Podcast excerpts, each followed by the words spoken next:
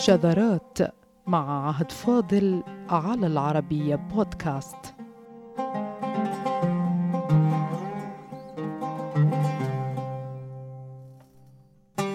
آثرنا أعزائنا بمناسبة اليوم العالمي للغة العربية أن نسلط الضوء على وجهين يميزان هذه اللغة وهما الفصحى كانعكاس لتحضر شخصية العربي على اعتبار أن الكلام الفصيح لا يكون كذلك إلا إذا امتلك موسيقى مميزة سببها تباعد مخارج أحرف الكلمة وهو ما ذكرناه في الحلقة السابقة.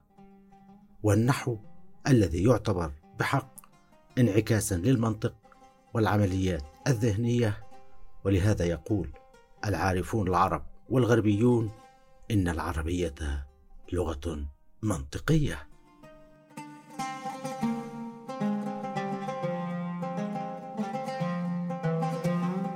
والمنطق في النحو العربي راجع إلى أن أي عملية إعرابية لا تتم إلا على اعتبار من عملية ذهنية مترابطة تنطوي على مقدمات افتراضية تؤدي إلى نتائج محددة على أساسها تعرب الكلمة أو على أساسها يتم تحريك أواخر الكلم وهو الهدف الأسمى للنحو ضبط أواخر الكلم.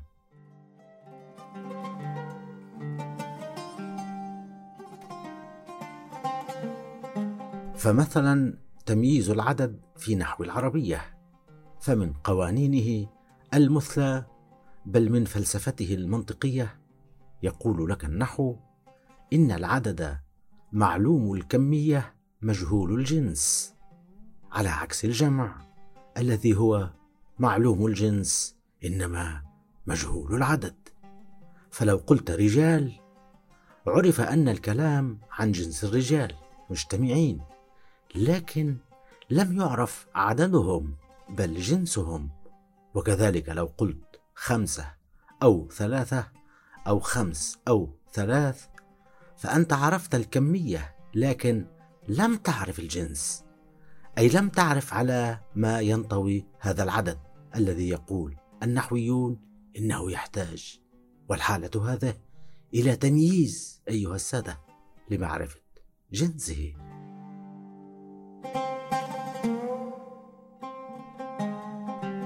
ومن الأمور الهامة التي لا يجب أن تغيب عن أذهاننا أعزائنا هي أن النحو العربي أشبه بمعيار عام لا يطبق إلا من خلال الإعراب أو تحريك أواخر الكلم. وعندما حصل توحيد للنحو بالإعراب فذلك من قبيل تسمية الشيء بصفته أو تمييز الشيء بأثره. فيما النحو قواعد عامة يليها الإعراب كمجموعة من التطبيقات تجعل كلامنا خاليا من الخطأ. أو شبهة الخطأ.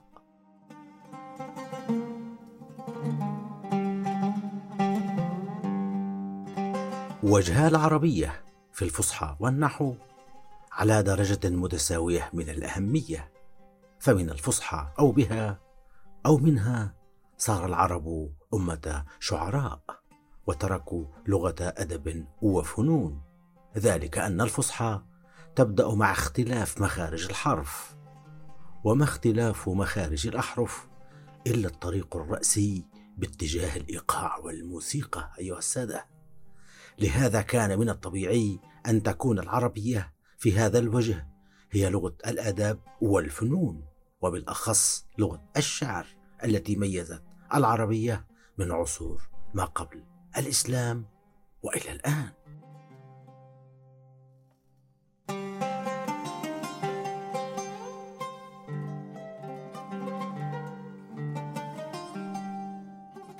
إلا أن النحو أيها السادة كشف عن الوجه الثاني السامي في لغة العرب أيضا وهو المنطقية أو الذهنية التي تميز عمليات النحو العربي التي منها الإعراب. ولهذا صارت العربية لاحقا لغة فلسفة ولغة فكر ولغة علوم بشتى المجالات كالفيزياء والهندسة والرياضيات. والجغرافيا.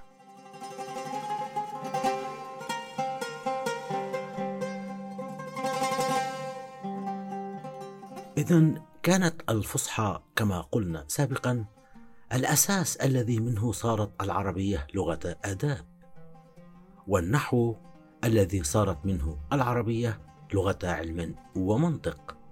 فما الذي يميز النحو العربي؟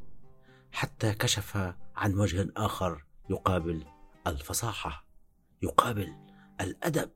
أعزائنا.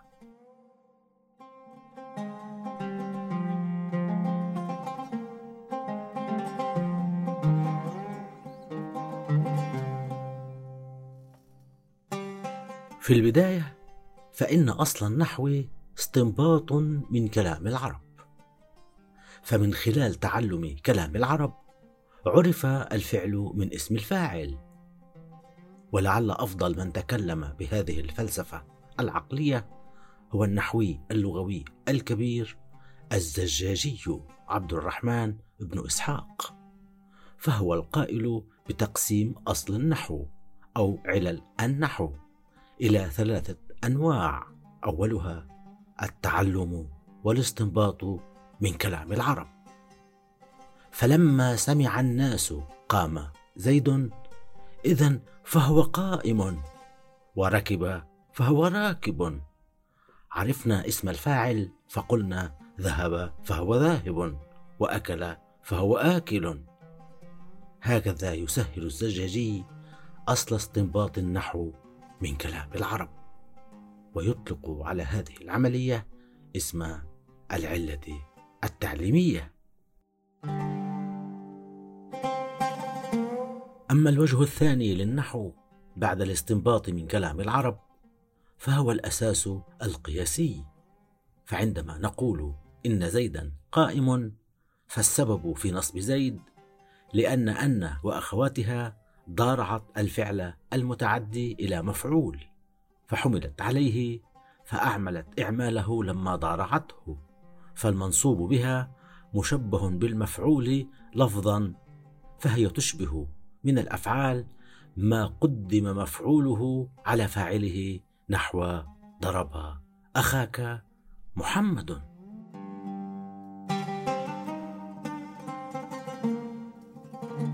إن فلسفة الزجاجي هذه والتي يظهر فيها البعد العقلي واضحا في ترجيح سبب النصب تعتبر إضافة على النحو العربي بحسب عدد من اللغويين. إلا أن ما وصف بالإضافة أو بالجديد سيكون دائما كذلك إذا ما جرى البحث عن أصل التفكير النحوي عند العرب لأنه في آخر الأمر مزيج من الاستنباط والقياس والجدل. أيها السادة الجدل هو الوجه الثالث بتقسيم الزجاجي عقلي اللغة العربية إن صحت التسمية لأن الباحث عن العلة في الاستعمال السابق لا العلة في الاستعمال اللاحق وآخر اللاحق هنا ما سماه العلة الجدلية النظرية في منشأ النحو.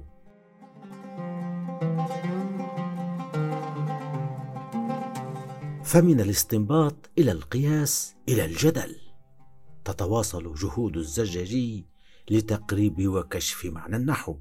ذلك أنه كله عمليا مستقا من مصدر في الواقع وهو كلام العرب أيها السادة. وإن بني القياس على الاستنباط فإن الجدل بني عليهما معا هو الآخر. فإنك لا تصل إلى العلة الجدلية النظرية كما سماها الزجاجي إلا بعدما يكتمل الاستنباط فالقياس. لكننا عند الوجه الأخير هذا سنرى حجما هائلا من المبررات والمقدمات بسبب كثافة النتائج التي تضمنها الاستنباط والقياس. والرائع في أمر صاحب علل النحو أنه ذكرها كلها في معرض إيضاح أثر الجدل النظري في صناعة النحو.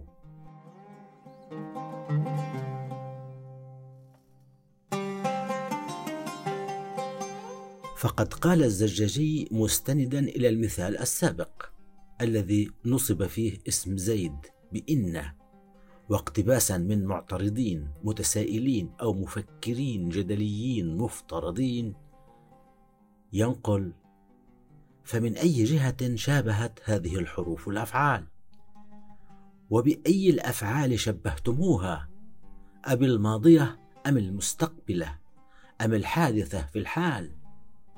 لاحظوا أعزائنا إن أمثلة الزجاجي الافتراضية هي بطريقته تعبير عن البعد الجدلي النظري في النحو العربي ووضعها في خانة نقد كلامه إلا أن هدف المؤلف من إيرادها هو إبراز الوجه النظري في نحو العرب فيكمل اقتباسه من تفكير مفترض فيقول وحين شبهتموها بالأفعال لأي شيء عدلتم بها إلى ما قدم مفعوله على فاعله نحو ضرب زيدا عمرو.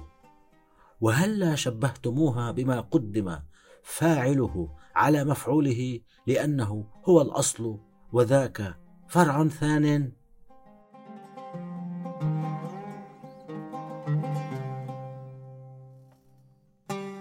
ويستكمل عقلي النحو العربي كل الأسئلة الافتراضية التي يطرحها المتعلم أو العالم في إظهار معنى النحو والأساس الذي عليه قامت هذه القاعدة أو تلك. فإن لاحظتم قال الاقتباس للزجاجي لماذا اعتمدتم مبدأ تقديم المفعول على الفاعل؟ وهو فرع ثانوي. وأهملتم تقديم الفاعل على مفعوله وهو الأصلي؟ ولن تكون مفاجأة ابدا. إذا قلنا لكم إن الزجاجي انتهى من هذا الباب دون أن يجيب على هذه الأسئلة النظرية وهدفه من ذلك القول إن الأصل النظري للنحو مفتوح على كل الاحتمالات إلا أننا نعمل الآن ضمن الاحتمال الذي تعارفت عليه العرب وأقره النحويون فصار قانونا. الزجاجي عقل عربي منطقي تعامل مع العربية كما يتعامل المنطقيون مع مبدأ العلة والسبب والنتيجة. لهذا لم يجب على تلك الأسئلة في مكانها بل أرجأ ذلك لمكان آخر في كتابه.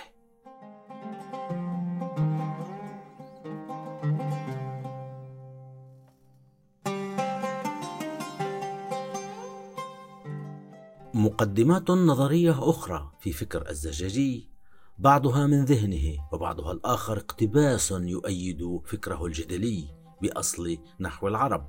ومنها مثلا لماذا يرتبط الإعراب بأواخر الكلم ولا يدخل على أول الكلام أو وسطه؟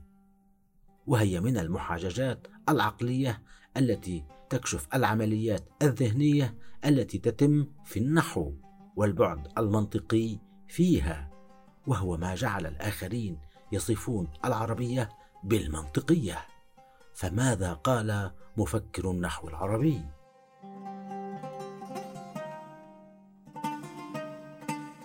يرد الزجاجي على المطالبين بأن يدخل الإعراب أول ووسط اللفظ العربي فيقول إن الإعراب لو جعل وسطا لم يدر السامع أحركة إعراب هي أم حركة بناء.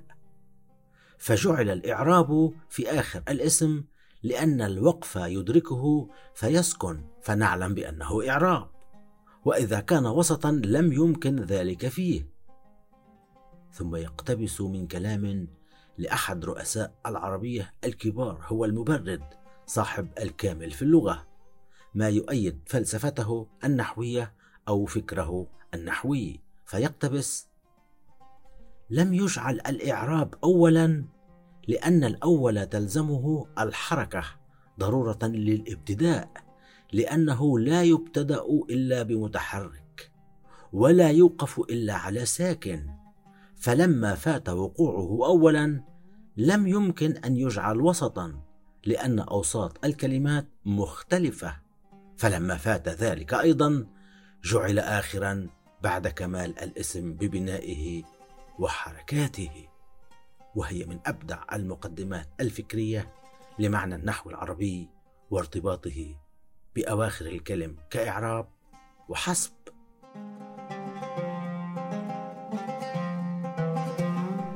ومن الفكر النحوي العربي يقول الزجاجي أسبق الأفعال في التقدم الفعل المستقبل. فإذا سألته لماذا ذلك فيقول لأن الشيء لم يكن ثم كان والعدم سابق للوجود فهو في التقدم منتظر ثم يصير في الحال أي في المضارع ثم يصير ماضيا فيخبر عنه بالماضي. فأسبق الأفعال في المرتبة المستقبل ثم فعل الحال أي المضارع ثم الماضي.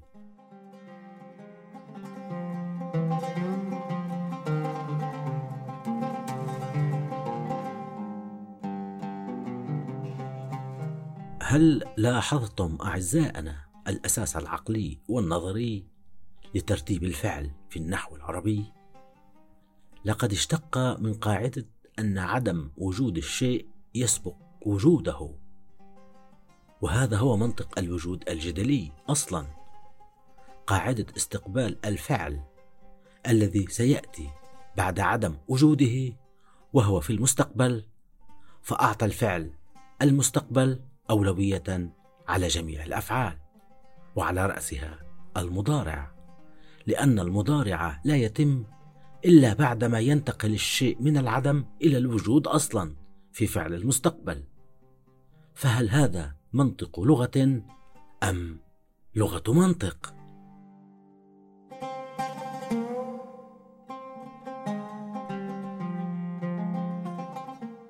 ومن أبدع وأروع المقدمات النظرية في منطق العربية ما ذكره مفكر النحو العربي الزجاجي عن السبب الذي يجعلنا نستعمل الياء بدلا من حرف المستقبل بقولنا فلان يقوم غدا أو يركب غدا دون أن نقول سيركب أو سيقوم.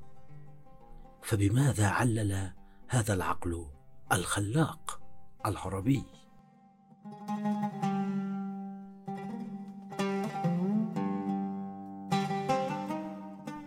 قال الزجاجي. فعل الحال فهو الفعل المتكون في حال خطاب المتكلم. لم يخرج إلى حيز المضي والانقطاع ولا هو في حيز المنتظر الذي لم يأتي وقته. فهو المتكون في الوقت الماضي وأول الوقت المستقبل. ففعل الحال في الحقيقة مستقبل لأنه يكون اولا اولا. فكل جزء خرج منه إلى الوجود صار في حيز المضي. فلهذه العلة جاء فعل الحال بلفظ المستقبل نحو قولك زيد يقوم الآن ويقوم غدا ويركب الآن ويركب غدا. أرأيتم أعزائنا هذا التداخل بين التفكير الفلسفي المنطقي والتفكير النحوي العربي.